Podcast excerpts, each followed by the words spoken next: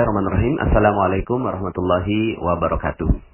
Alhamdulillah, bagaimana kabarnya Bapak Ibu semua, uh, sahabat magnet rezeki? Uh, semoga Anda selalu dalam keberkahan dan lindungan Allah Subhanahu wa taala, ya.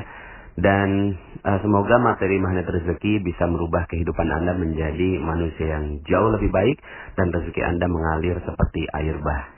Bapak Ibu, uh, Kali ini saya ingin menyampaikan tentang materi law of projection.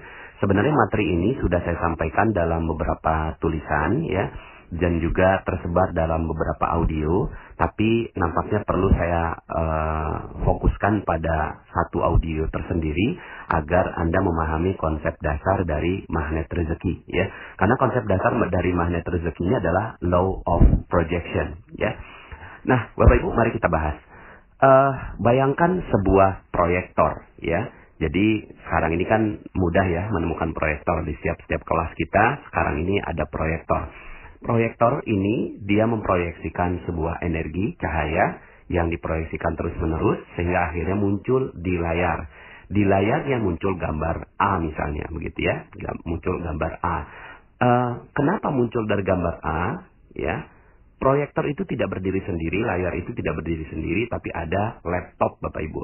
Laptopnya ini ya yang merupakan sumber dari uh, terciptanya uh, gambar yang ada di layar. Nah, laptop ini juga menggambarkan huruf A misalnya, begitu ya.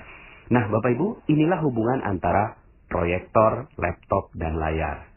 Ya, jadi ada laptop yang menciptakan uh, sebuah uh, realita atau sebuah gambar, lalu kemudian proyektor memproyeksikan ya dengan cahaya, lalu kemudian akhirnya menjadi uh, di layar tercipta sebuah gambar yang persis sama dengan apa yang ada di laptop ya. Nah, ketika misalnya gambarnya dirubah ya apa yang ada di laptop, misalnya di uh, tekan uh, spasi gitu ya. Kalau dalam PowerPoint kan tinggal dipencet spasi maka berubah. Nah, berubah menjadi gambar B misalnya gitu ya. Di laptop gambarnya B. Maka sepersekian detik ya muncul juga di layar gambar yang sama yaitu gambar B. Nah, ini namanya law of projection.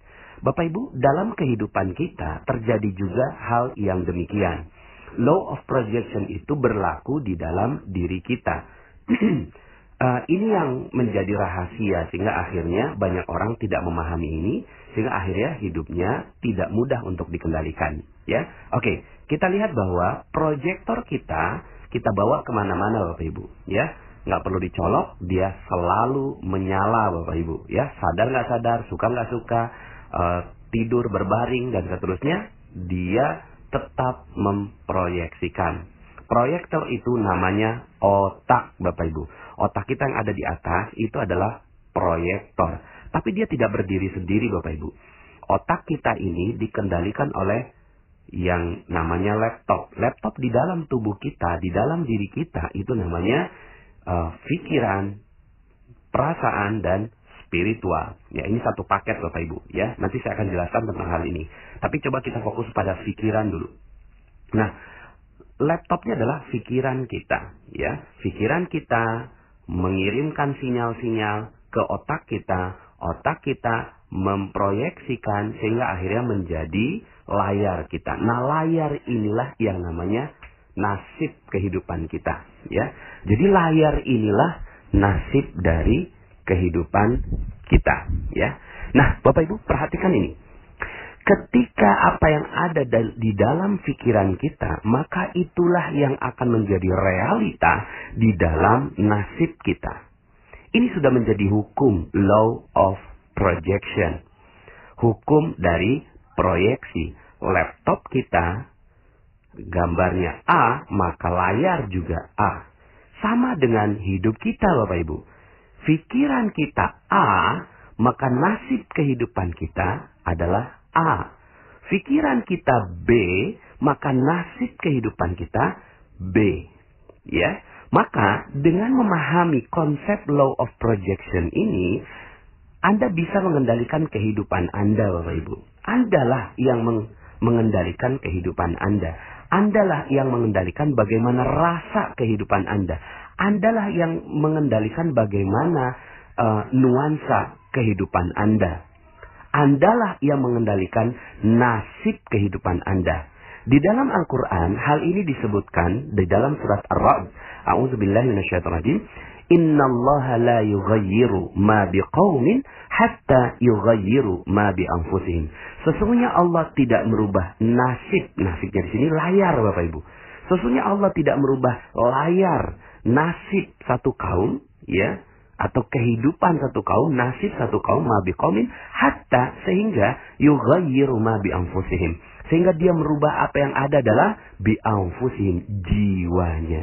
Jiwa ini nggak kelihatan Bapak Ibu. Nah jiwa inilah pikiran, perasaan, dan spiritual. Nah ketika laptopnya berubah, laptopnya berubah, pikirannya berubah, jiwanya berubah, maka nasibnya berubah. Ini sudah menjadi hukum yang Allah tetapkan di dalam Al-Quran. Ya, Nanti saya akan jelaskan perbedaan antara nasib dengan takdir Bapak Ibu ya. Nah, saya mau bicara tentang nasib dulu.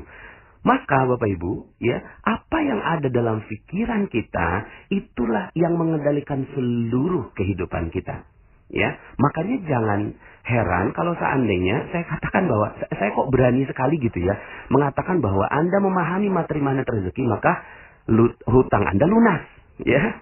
Kenapa kok begitu? Ya karena ya di dalam pikiran kita utang. Utang. Lalu kemudian dia diproyeksikan oleh otak kita utang utang utang utang utang utang utang utang sehingga akhirnya apa yang terjadi? Yang terjadi adalah di dalam nasib kita kita terus menerus berhutang. Itu yang terjadi gitu ya. Itu yang terjadi. Siapa yang menciptakan dan mengkreasikan utang itu? Kita kita sendiri yang mengkreasikan itu sehingga akhirnya orang yang terus berpikiran utang seperti ini yakin Bapak Ibu, hakul yakin sampai meninggal dunia dia utangnya nggak akan pernah lunas Bapak Ibu. Ya. Kenapa? Karena diproyeksikan di dalam pikiran kita, dicipt, di, diciptakan di dalam pikirannya, lalu diproyeksikan oleh otaknya sehingga akhirnya menjadi nasibnya. Maka pikiran kita ini nggak bisa dilawan. Yang bisa kita lakukan adalah men-switch atau merubah. Merubah, ya. Merubah dari energi yang tidak positif menjadi energi yang positif. Dari energi yang kesannya rendah, ya, menjadi energi yang tinggi, ya. Maka apa padanan kata dari utang?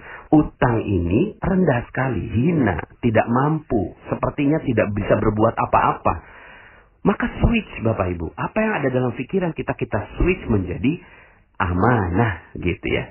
Anda tolong uh, bisa dengarkan audio saya kembali lunas hutang seketika ya. Nah, Bapak Ibu, dengan men-switch ini, maka apa yang ada dalam pikiran Anda yang tadinya utang, Anda tekan spasinya menjadi amanah. Lalu kemudian pikiran Anda, otak Anda memproyeksikan amanah, amanah, amanah, amanah, amanah. Maka yang terjadi adalah di dalam layar nasib kita, itu yang terjadi adalah amanah yang bertubi-tubi datang pada diri Anda. Nah mungkin sekarang ini adalah amanah berupa titipan uang orang 200 juta. Lalu kemudian setelah itu, karena Anda terus memproyeksikan amanah, amanah, amanah, amanah, maka yang datang pada kehidupan Anda adalah amanah berupa karyawan yang jujur, kemudian supplier yang baik hati, konsumen yang setia dan loyal, gitu ya, dan seterusnya. Nah, Bapak Ibu, Anda bisa menjadikan law of projection ini dalam semua lingkup kehidupan Anda. Misalnya bagi Anda yang tinggal di Jakarta misalnya, jalanannya macet gitu ya. Nah macet itu Bapak Ibu adalah apa yang ada dalam um, apa namanya uh, realitas gitu ya. Nah ini saya jelaskan tentang uh, realitas. Realitas itu ada dua Bapak Ibu. Satu realitas sekunder dan yang kedua adalah realitas primer. Realitas sekunder kita adalah apa yang ada dalam apa yang Anda lihat ketika Anda membuka mata, itulah realitas sekunder. Itulah layarnya Bapak Ibu. Ya, coba sekarang Anda tutup mata ya, maka Anda fokus dengan yang namanya realitas primer. Realitas primer itu ya tidak terpengaruh dengan realitas sekunder. Realitas primernya Anda yang bisa kendalikan. Realitas sekundernya ya itu tercipta. Jadi kalau realitas primernya A, maka realitas sekundernya A. Seperti dalam hukum law of projection.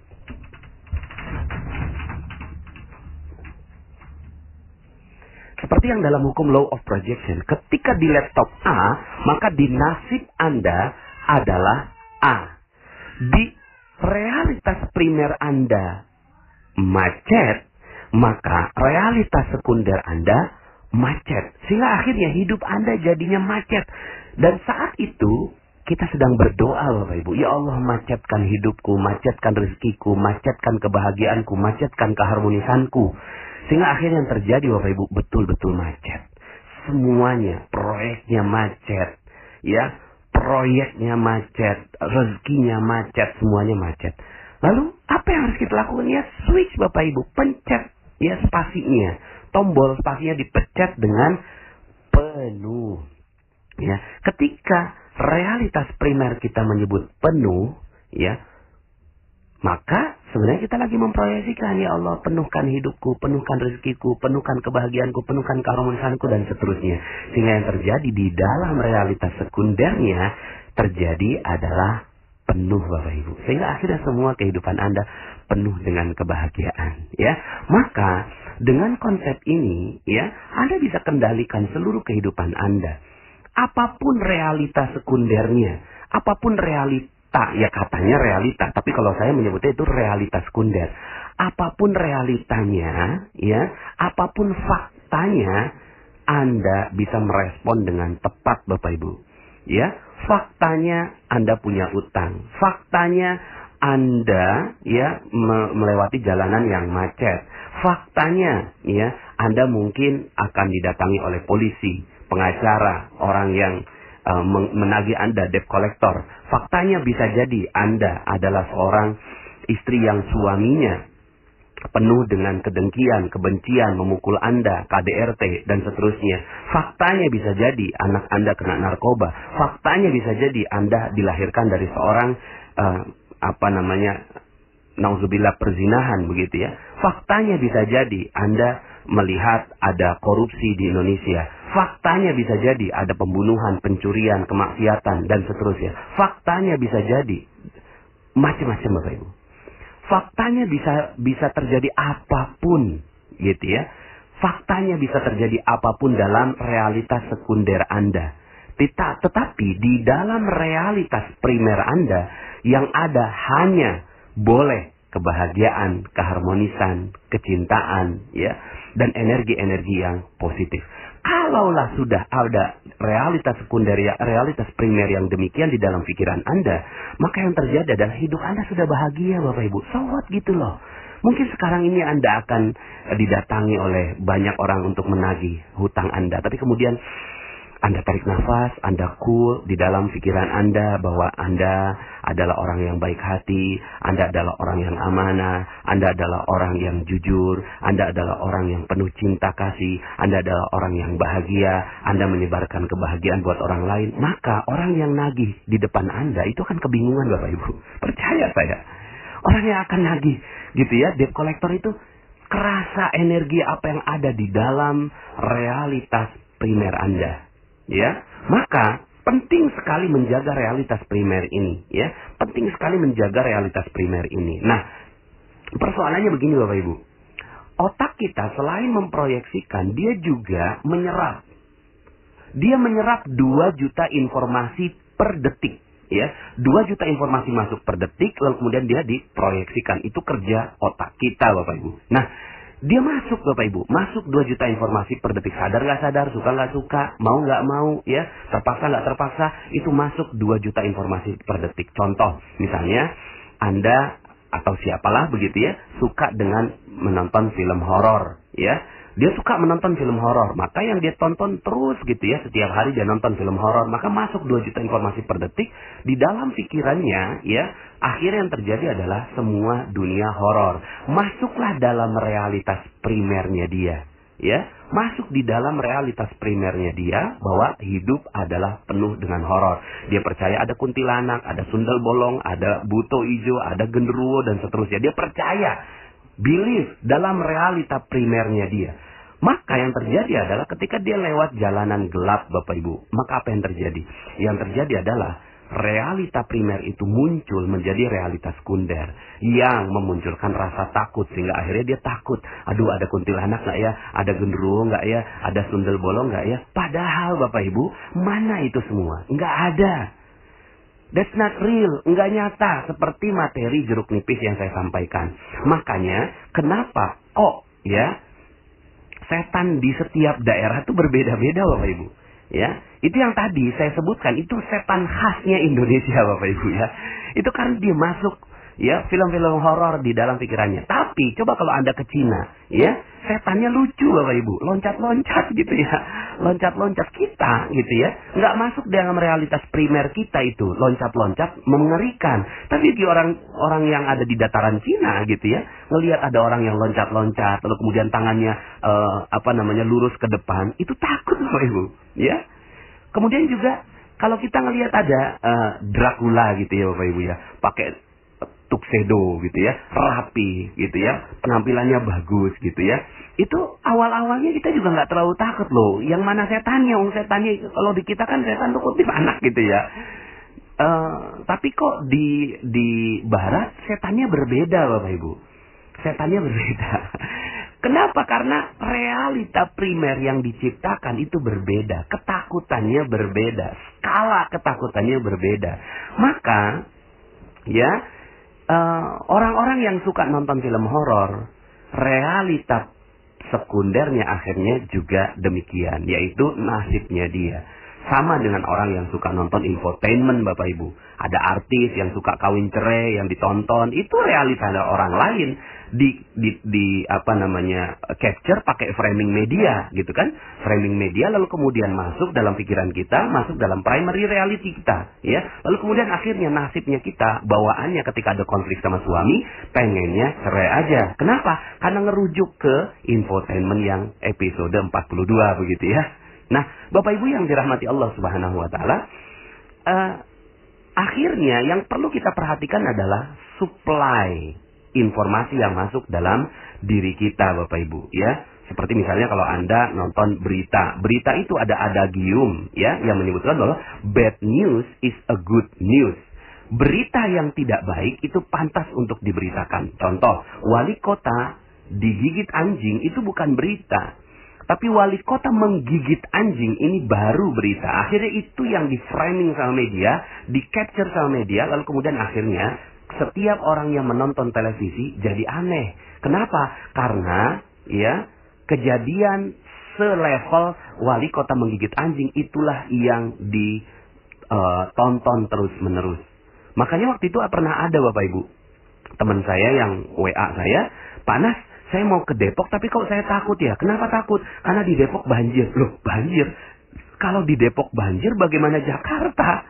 Ternyata ya ada satu jalanan yang tergenang itu yang di capture sama jurnalis dan kemudian itu yang masuk dalam realitas primer teman saya. Sehingga akhirnya dia nggak jadi ke Depok karena takut ada banjir. Padahal sayanya sendiri yang berada di Depok nggak lihat ada banjir. Nah bapak ibu inilah dia ya uh, law of projection sehingga akhirnya Sehingga akhirnya yang terjadi pada diri kita adalah ya hukum law of projection ini berlaku setiap hari Bapak Ibu. Ketika Anda mensuplai berita-berita yang nggak bagus, ya hal-hal yang nggak bagus dalam pikiran Anda, hati-hati. Itu akan masuk menjadi primary reality Anda atau realitas primer Anda dan akhirnya menjadi nasib Anda. Nah sekarang ini Bapak Ibu, yang perlu Anda kendalikan adalah bagaimana realitas primer Anda adalah bagus, luar biasa, sehat, bahagia, senang, harmonis, apa pun fakta yang di luar yang terjadi. Itu udah nggak penting Bapak Ibu. Sudah tidak penting. Yang penting adalah bagaimana pikiran Anda selalu memandang yang positif. Perasaan Anda positif. Spiritual Anda positif. Ketika itu yang terjadi, maka rezeki Anda akan mengalir dengan deras. Sederhana sekali Bapak Ibu, ya. Seperti yang saya sampaikan dalam materi sebelumnya bahwa rezeki itu adalah energi baik, ya. Ketika dalam tubuh kita seluruhnya energinya baik, maka rezeki akan datang otomatis. Rezeki akan datang pada diri kita, ya rezeki akan datang pada diri kita ketika energi kita adalah energi yang baik. Tapi ketika energi kita bercampur dengan energi yang tidak baik, rezeki nggak akan datang pada diri kita. Maka sederhana sekali, rubahlah apa yang ada dalam pikiran kita, perasaan kita, spiritual kita, maka nasib kita pun akan berubah. Nah, terakhir, penjelasan tentang takdir dan nasib. Banyak orang yang bilang begini, Pak Nas, Kan Allah udah takdirkan, rezeki udah ditakdirkan, jodoh udah ditakdirkan, yang lain udah ditakdirkan. Iya, itu mah ilmunya Allah, ya. Saya ingin membatasi ini, ya. Saya tidak akan menjelaskan panjang lebar tentang hal ini. Kenapa? Karena itu udah merupakan sifat Allah yang kita pelajari bahwa Allah memahami seluruh takdir-takdir kita, bahkan takdir kita sudah ditetapkan di dalam Lauhul Mahfuz, ya. Sudah ditetapkan di dalam Lauhul Mahfuz, ya. Uh, sudah, ya sudah ditetapkan itu semua di dalam Lauhul Mahfuz bahwa Allah Maha mengetahui segalanya. Pertanyaannya, apakah kita sudah tahu rezeki kita? Apakah kita sudah tahu nasib kita? Apakah kita sudah tahu jodoh kita? Tidak. Makanya kata Allah, itu kan la yus'alu amma yaf'al wa yus'alun. Kamu tidak akan ditanya tentang ya uh, apa la yus'alu amma yaf'al. Allah tak, tidak akan ditanya tentang apa yang dia perbuat wahum alun. Tapi kamu akan ditanya, kenapa kok nasib kamu miskin? Kenapa kok nasib kamu ya penuh hutang? Kenapa kok nasib kamu ya tidak bahagia? Kenapa kok nasib kamu ya rendah? Kok kenapa kok nasib kamu hina? Itu yang akan ditanya oleh Allah Subhanahu wa taala. Ya, jadi takdir berbeda dengan nasib. Nasib kita bisa kendalikan Bapak Ibu karena itu Allah yang memberikan kemampuan law of projection untuk kita. Jadi, merubah nasib Anda sederhana Bapak Ibu Rubahlah apa yang ada dalam uh, pikiran Anda. Semudah merubah laptop. Rubahlah apa yang ada dalam pikiran Anda. Pokoknya semua pikiran Anda yang positif, bagus, semuanya hebat, luar biasa. Anda adalah orang yang hebat. Anda adalah orang yang luar biasa. Anda adalah orang yang penuh amanah, penuh rezeki dari Allah. Anda adalah orang yang mulia. Anda adalah orang yang bahagia. Maka itulah nasib yang akan terjadi pada kehidupan Anda. Oke? Okay? Uh, semoga ini bisa membuat hidup Anda menjadi jauh lebih uh, indah lagi ya. Saya Nasrullah, sampai jumpa dalam audio-audio berikutnya. Assalamualaikum warahmatullahi wabarakatuh.